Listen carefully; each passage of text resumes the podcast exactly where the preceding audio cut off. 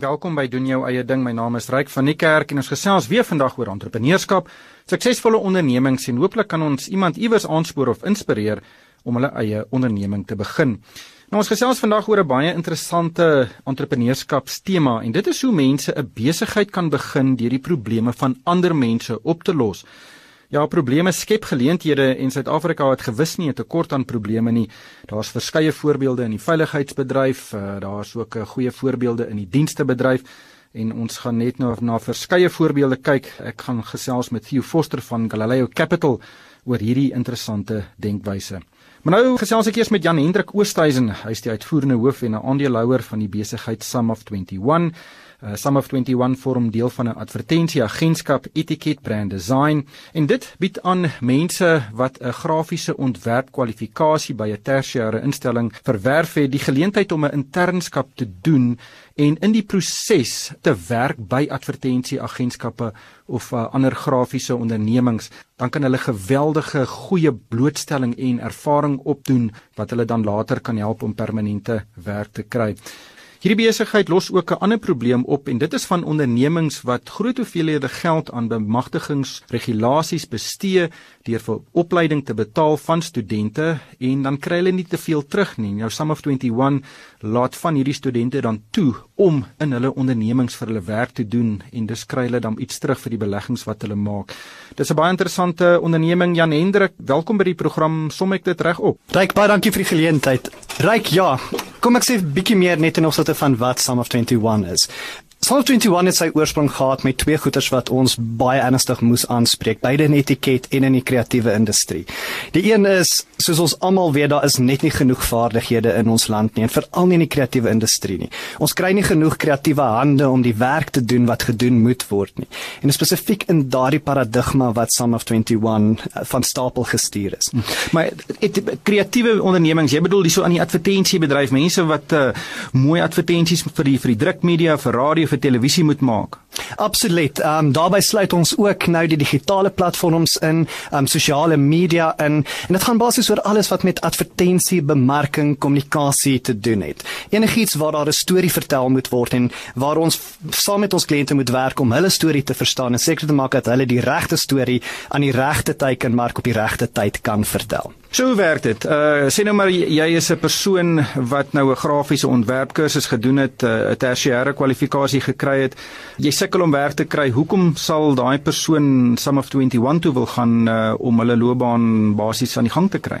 Sum of 21 is in sy essensie 12 maande gestruktureerde program. En wat ons doen is ons fokus op jong mense wat in die kreatiewe industrie wil ingaan. En daar sluit ons al die verskeie dissiplines in wat met kreatiwiteit te doen het. So van van ontwerpers tot kopieskrywers, um, rekeningbestuurders, enigiemand met 'n passie vir kreatiwiteit. Een van ons voorvereistes is net dat jy een of ander primêre kwalifikasie moet hê in die kreatiewe of kommunikasie omgewing en ons vat jou dan op 'n 12 maande gestruktureerde program.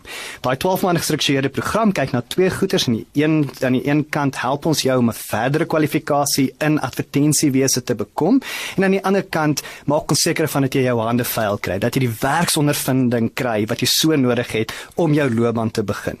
En ek dink dis een van die goeders wat ons so gereeld sien. Die jong mense wat in die industrie inkom is so groen. Um dit vat so baie werk om hulle reg te kry om 'n produktiewe hulpbron te, te te wees. En wat ons net gesien het is dat meeste van die agentskappe en die maatskappye daar buite het net nie 'n inklinasie om met die jong mense op te lei en reg te kry nie. En dis daardie gaping wat Sum of 21 aan oorbrug is om daai mense te, of om jong mense te ontwikkel om 'n produktiewe hulpbron in die industrie te word. Ek dink nie dit is net 'n probleem in die advertensie of die kreatiewe bedryf nie. Ek dink omtrent enige eh, sektor of onderneming sukkel om mense wat uit die universiteit as hulle by jou instap dan is hulle nie heeltemal daar nie. Hulle kan nog nie heeltemal onmiddellik produktief wees nie. Ek verstaan jy, jy gee vir hulle nog 'n akademiese kwalifikasie, maar die jy het gesê hulle maak hulle hande vuil. Presies hoe werk daardie deel van van die program? En daar's ons ook een van die redes hoekom ons so opgewonde is oor Sum of 21. Ons het baie vinnig ook geleer dat as 'n mens van tipies sulke programme praat waar dit internskappe of leerderskappe is, moet 'n mens baie versigtig wees om nie te dink jy kan intern vat en jy druk hom net in jou normale operasionele omgewings in nie. Ons het met etiket soos met baie ander maatskappye gesien dat jou gewone stelsels, jou gewone werksomgewings is net nie toegerus om hierdie jong mense op te lei nie. Jou seniors, dit vat soveel seniors om hierdie mense reg te kry en die seniors is net nie, hulle het nie die vaardighede om op te lei nie. En hulle het ook 'n normale of hulle het 'n dagwerk wat hulle moet doen. En sodra hulle moet fokus op iets, fokus hulle op die dagwerk en nie op die juniors nie. So wat ons gedoen het is om te sê, kom ons vat al daardie heeltemal uit uit die normale omgewings uit en ons skep 'n afsonderlike agentskap. En daardie afsonderlike agentskap is nou juist Sum of 21. En Sum of 21 is 'n opleidingsomgewing of 'n mini-agentskap en in daai mini-agentskap doen hierdie interns, hierdie jong mense doen al die verrig al die funksies van om nuwe besigheid na die tafel toe te bring tot die strategiese konseptuele werk wat ons doen, ontwerp, kopie skryf, projekbeplanning, alles doen hulle van hulle kant af. Ons stel dan senior mense en mentors aan wat in Sum of 21 werk en wie se afson of wie se fokus juis is om hierdie jong mense reg te kry om die werk te doen. So die die groot verskil en die groot skuif in paradigma is in hierdie model vat hulle die eienaarskap, die jong mense vat die eienaarskap. Die seniors wat hulle moet lei het nie 'n ander dagtaak nie. Hulle dagtaak is om op te lei en om seker te maak dat die jonges kan doen wat hulle moet doen. En dit is so anders as die normale internskap program waar jy waar 'n jong mens altyd die sterkie van 'n senior moet wees en maar afhanklik is van die krummels wat van die tafel afval. Hierso vat hulle eienaarskap, hulle hardloop die die die die die die show. Um en omdat ons hulle die geleentheid gee, is dit wonderlik om te sien hoe hulle They stand up to the challenge. Hulle gryp daardie bil by die horings en hulle laat dit werk. En omdat hulle hulle hande so vuil kry, omdat hulle eienaarskap vat, ontwikkel ons hulle vaardighede geweldig vinnig en dit is wonderlik om te sien wat uit daai jong mense uitkom.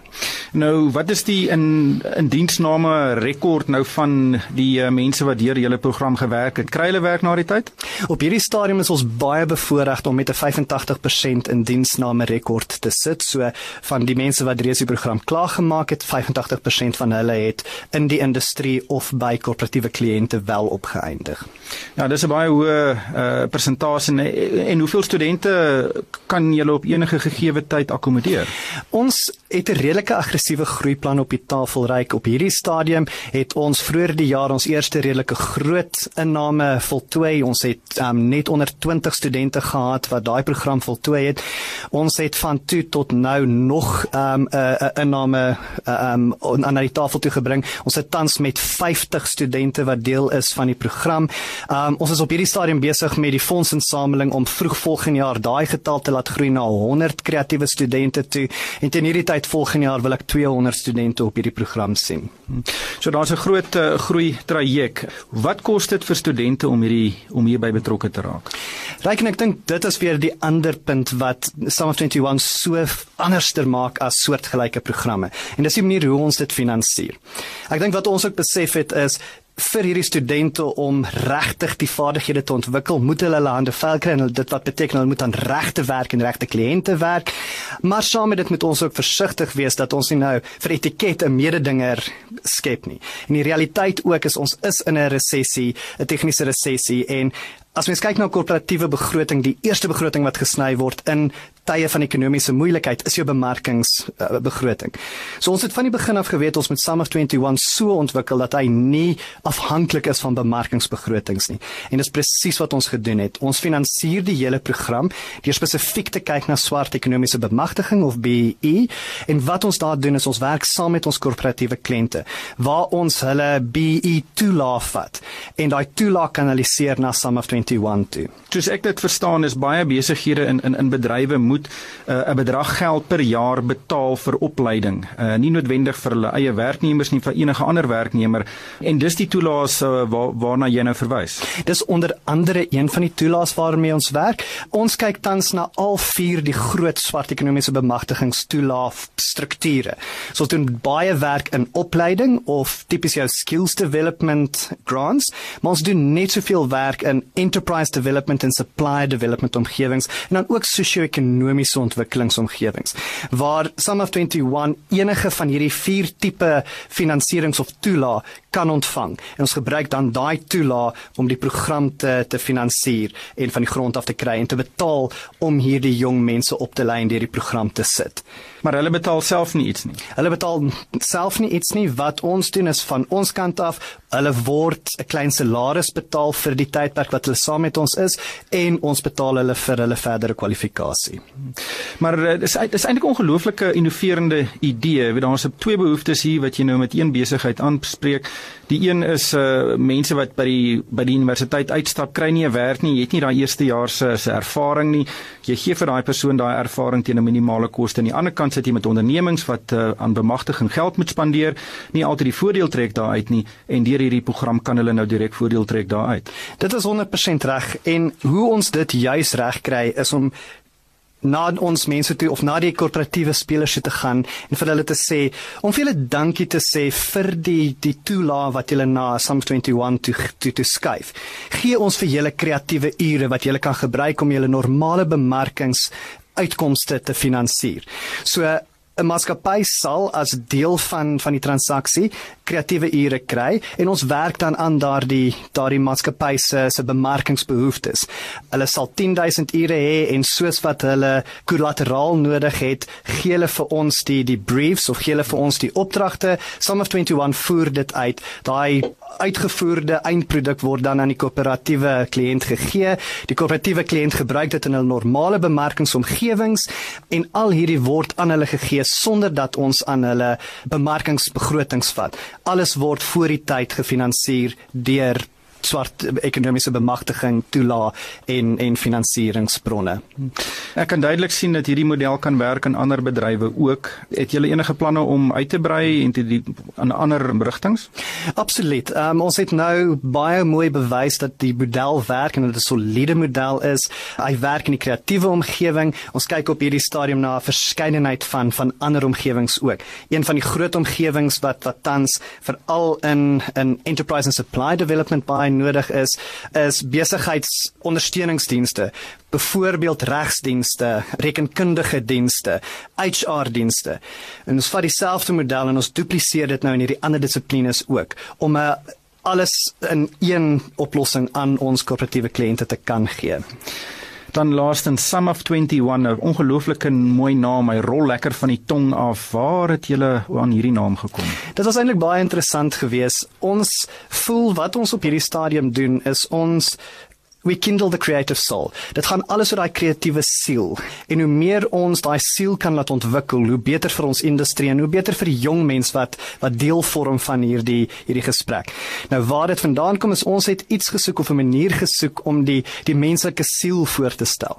En daar was 'n baie interessante, baie kontroversiële studie wat 'n uh, eh, seker in die is omtrent 100 jaar terug gedoen is waar die die gewig van die die menslike siel bepaal is. En daar is 'n uh, navorser wat letterlik 'n persoon gemeet het geweeg het net voor afsterwe en direk net na afsterwe en daar was altyd 'n konstante verskil in gewig van 21 gram gewees.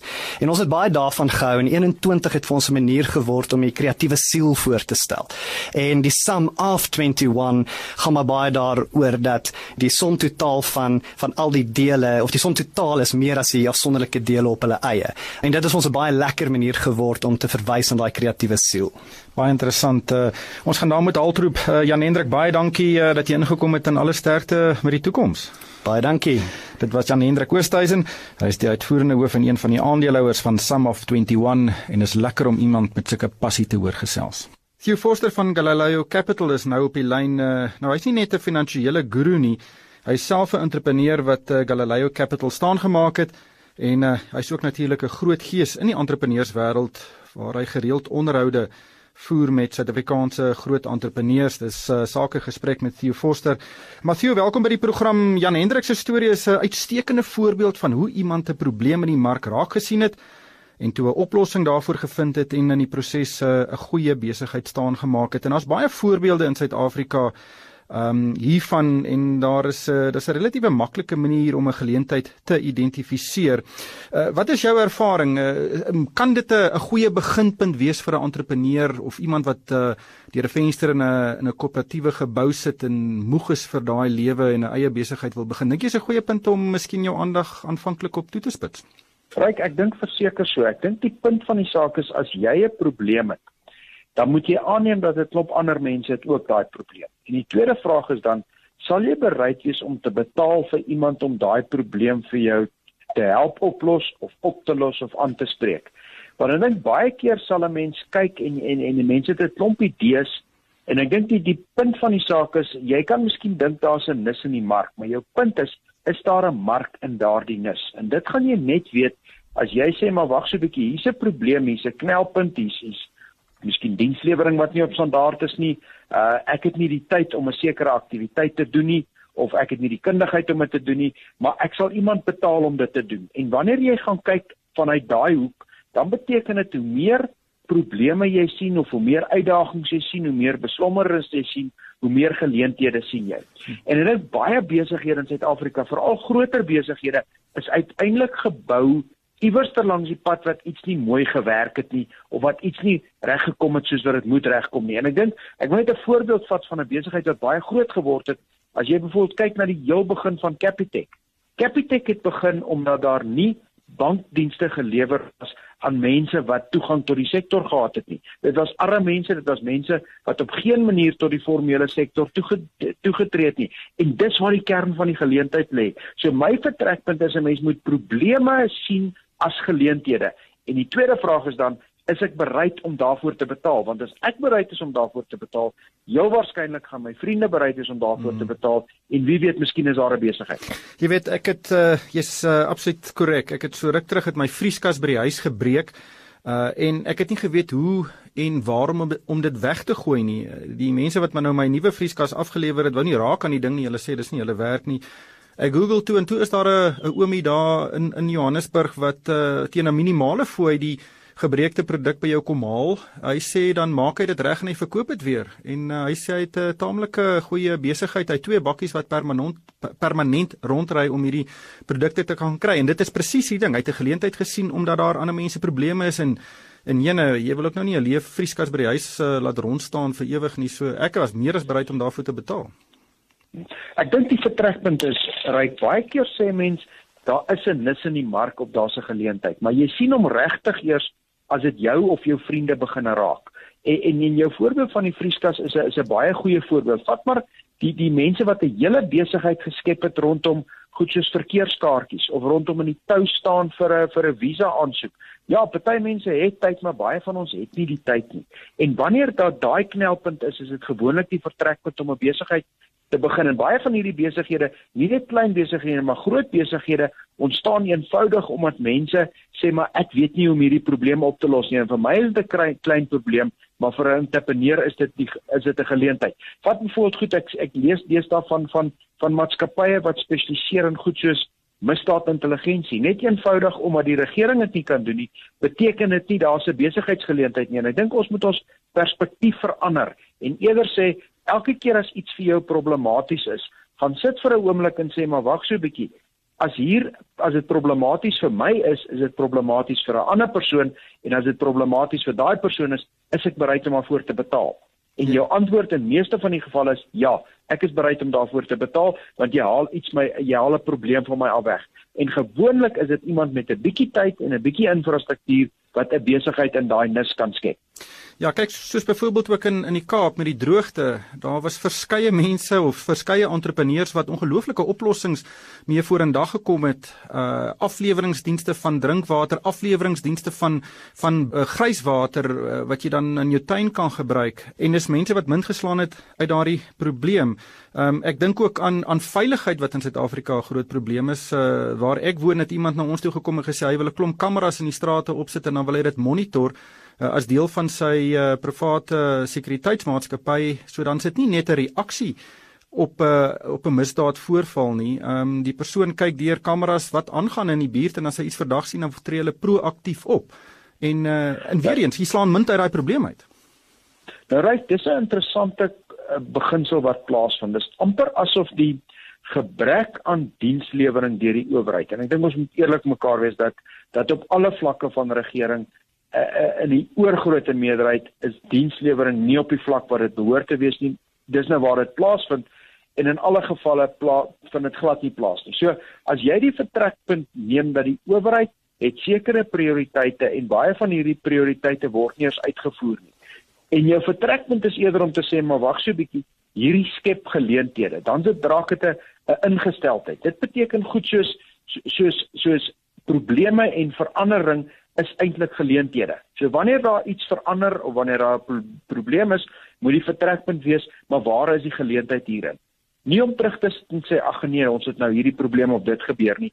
Kyk eerder na die geleentheid daarin en my ervaring is dat dit is meer van 'n ingesteldheid wat 'n mens amper moet aanskakel en as jy daai ingesteldheid het, dan beteken dit as jy rondstap sien jy probleme en is baie keer as jy met veral entrepreneurs wat op grondvlak werk wat wat iets wil gedoen kry kom jy agter met watter ander oë hulle na goeie na eenvoudige goed kyk dan raak 'n eenvoudige verspreiding 'n eenvoudige verpakking van van ek was noudag in een van die landelike gebiede en toe's daar 'n klein besigheid wat se primêre funksie is om om hoë kwaliteit kunsmis te koop in groot sakke en dit in baie kleiner sakke te verpak sodat 'n klein opkomende boer iets daarmee kan doen. Maar eenvoudig deur 'n groot sak kunsmis te vat en klein sakkies te pak is daar 'n besigheid. Daar's 'n geleentheid. En ek dink ons het baie keer het ons in Suid-Afrika groot geword van die die owerheid gaan voorsien die staat gaan voorsien groot maatskappye gaan voorsien.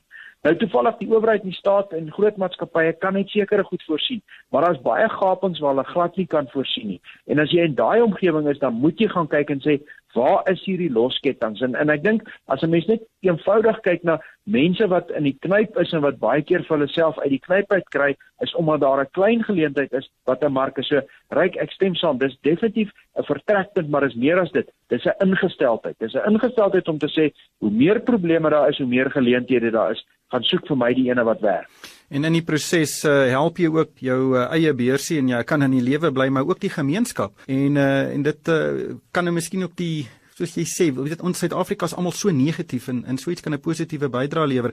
Ek dink ook nou in 'n voorval uh in in een van die Amerikaanse sakeskole waar jy nou groot MBA's kan gaan studeer. Uh een van die dinge op die kurrikulum is jy moet 'n besigheid in daai jaar begin. Nou baie van hierdie mense werk en en en hulle studeer voltyds en dan het hulle nou nie tyd daarvoor nie. So daar is 'n 'n klompe weet daar dalk stands uh, worsrolletjie uh, winkels op die kampus, maar seker 10 of 15 van die goed wanneer is die maklikste manier om dit te doen, maar daar's een persoon uh, en hy, hy studeer nie eers daar nie. Hy het toe begin om goederes te verskaf, broodjies en wors en tomatiesous vir hierdie stalletjies uh, om hierdie MBA studente aan die gang te hou en hy het 'n baie groot besigheid gebou daarop. Net so ryk ons het nou dag het ek dit was my wonderlik het ek 'n CV van iemand gekry wat aansoek doen vir 'n werk. En in die CV gesels ek met hom is toevallig van van van van 'n universiteit die die die Port Elizabeth Universiteit of Nelson Mandela Universiteit. En ek gesels met hom en ek vra vir hom eers waarmee hy soos eh, want ek sien hy het eh, hy sê hy het, hy het meeste van sy studente geld betaal met eie fondse. Toe hy eenvoudig 'n webbladsy begin wat hy gesê het maar as jy 'n tweede jaar is, jou eerste jaar handboeke, ehm um, sal hy 'n platform skep en hierdie handboeke kan jy dan verhandel en jy kan dit koop en verkoop. 'n handboek en hy het 'n tipe van 'n 'n graderingsstelsel ingesit, maar hy het 'n meganisme ingesit wat wat hy die student wat die handboek inbring, het 'n keuse of ek kry nou 'n uh, 'n kleiner prys vir die handboek of my handboek uh, lê op die stelsel tot iemand anders dit koop. En hy sê hy het hy het, hy het elke jaar aan die einde van die jaar en die middel van die jaar tyd klomp geld uitgemaak. So wat hy gedoen het is hy het besef dat mense het nie noodwendig geld om elke jaar 'n nuwe handboek te koop nie, handboek te koop. Hy het vir my gesê dat dat van hierdie handboeke word op verskillende universiteite uh, voorgeskryf en dan sal hy 'n besending kry van 'n universiteit wat 'n klomp mense sê maar hierdie handboek is of was nie meer vir ons voorgeskryf nie. Hier sien hulle 'n klomp tweedehandse handboeke. Nou dis die dis die eenvoudigheid van 'n geleentheid sien en dan iets daaruit te skep. Uh tot so 'n mate dat hy sê hy het, hy het die oorgrootste meerderheid van sy universiteitsgeld daardeur betaal. Nou hoe eenvoudig is dit nie om so iets reg te kry nie. Ons gaan dit ongelukkig daar moet los. Dankie Theo, dit was Theo Foster van Galileo Capital.